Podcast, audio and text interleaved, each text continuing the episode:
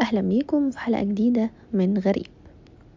قصتنا المرة دي مش هتبقى عن قاتل زي كل مرة ولا أسرة مقتولة زي كل مرة المرة دي قصتنا هتبقى عن سيدة.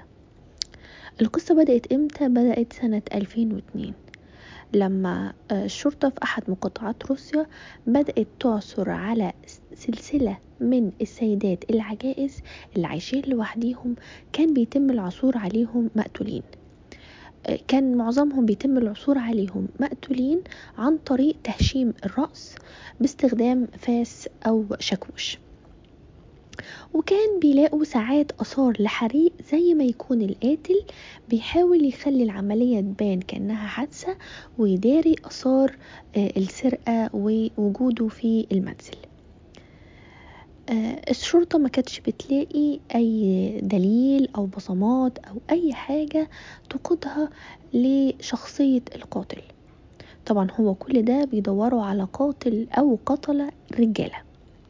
سنة 2010 واحدة من الضحايا دي قدرت إن هي تهرب. كان عندها 61 سنة وصدمتهم لما قالت لهم إن اللي كان بيقتل أو اللي حاول يقتلها كانت سيدة مش راجل زي ما كانوا متوقعين. الشرطة ذهلت لما سمعت الكلام ده. كان بقالهم 8 سنين مش سنة ولا اتنين 8 سنين بيدوروا على راجل. ما كانش يخطر ببالهم ابدا إن هي ممكن تكون ست. الشرطة حاولت تاخد من الضحية اللي هربت أكتر معلومات تقدر الست تتذكرها.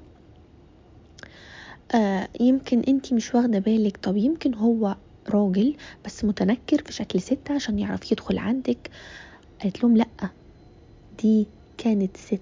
وكلمتني وقالت لي إن هي شغالة في ال social service أو في الخدمات الاجتماعية وإن هي جاية تساعدني عشان أنا ست كبيرة في السن. فأنا فتحت لها واستقبلتها وتوقعت إن هي فعلا هتساعدني بما إن أنا عايشة لوحدي لفترة طويلة. وبمجرد ما دخلت البيت واطمنت إن الست عايشة لوحديها فعلا بدأت تهاجمها بفيس بس للأسف هي مش متذكرة ملامحها كويس لأن بنقول إن هي ست كبيرة في السن ومش قادرة تحدد دلائل أكتر من كده. الشرطة حققت مع 3000 سيدة مشتبه بيهم لغاية ما وصلت فعلا للقاتلة رينا فيكتورونوفا. إرينا كان عندها 41 سنة. رينا تبان ست عادية تماما. مش بس كده رينا كانت متجوزة وعندها طفلين. زوجها يوري وقت القبض عليه أو وقت القبض عليها قال لهم إن هو مش مصدق إن هما بيعملوه إن هو إزاي يقبضوا عليها وإن هما متجوزين بقالهم 14 سنة. وعمره ما شك فيها إن هي ممكن تبقى سيدة قاتلة أو إن هي تكون بالوحشية ديت. قالت قال لهم إن هي سيدة فاضلة بتربي عيالها أحسن تربية حتى سألوا في المدرسة. لما توجهوا للمدرسة عشان ياخدوا أقوال مدرسين بنتها أو أولياء الأمور اللي بيتعاملوا معاها واحدة من المدرسات اسمها أنستازيا قالت لهم إن إرينا كانت على طول بتساعد في حفلات المدرسة وبتساعد في رحلات المدرسة مع بنتها وإن هي كانت أم عادية جدا زي بقية أمهات الطلبة اللي عندها. بدأت إزاي قصة إرينا في القتل وليه استهدفت السيدات العجائز بس؟ إرينا بدأت في إدمان الكحول في سن صغيرة جدا. ولما جت تتجوز يوري حاول يمنعها على قد ما يقدر ويساعدها إن هي تقلع عن إدمان الكحول وخاصة الفودكا. كانت أي فلوس بتتوفر مع إرينا كانت على طول بتروح تشتري بيها كحوليات.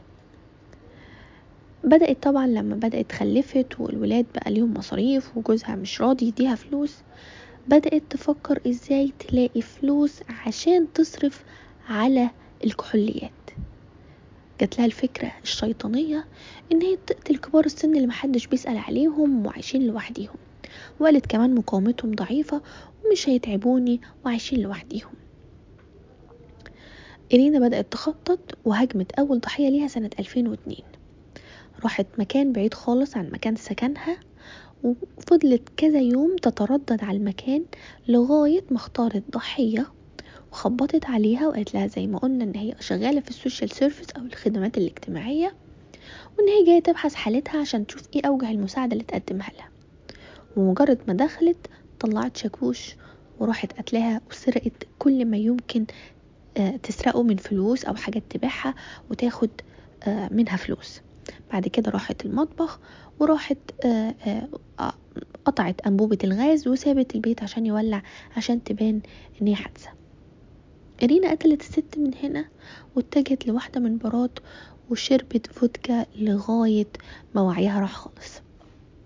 إرينا فضلت كده كلما يوري ما يرضيش يديها فلوس تروح تدور على واحدة ست غريبة بعيدة عنها وتقتلها.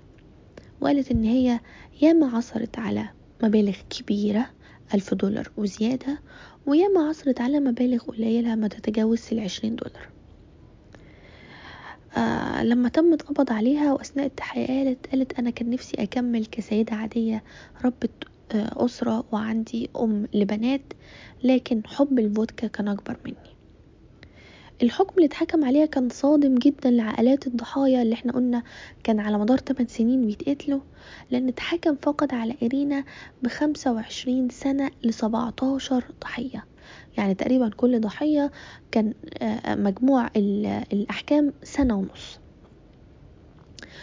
الراضي القاضي كان رده إن هو راعى حالة إرينا إن هي أم وزوجة. وكمان إن دي أقصى عقوبة ممكن تتنفذ على سيدة في روسيا. طبعا أهالي الضحايا صاروا وهاجوا وماجوا لكن مفيش أي تعديلات ولغاية الآن رينا بتقضي فترة عقوبتها في واحدة من سجون روسيا.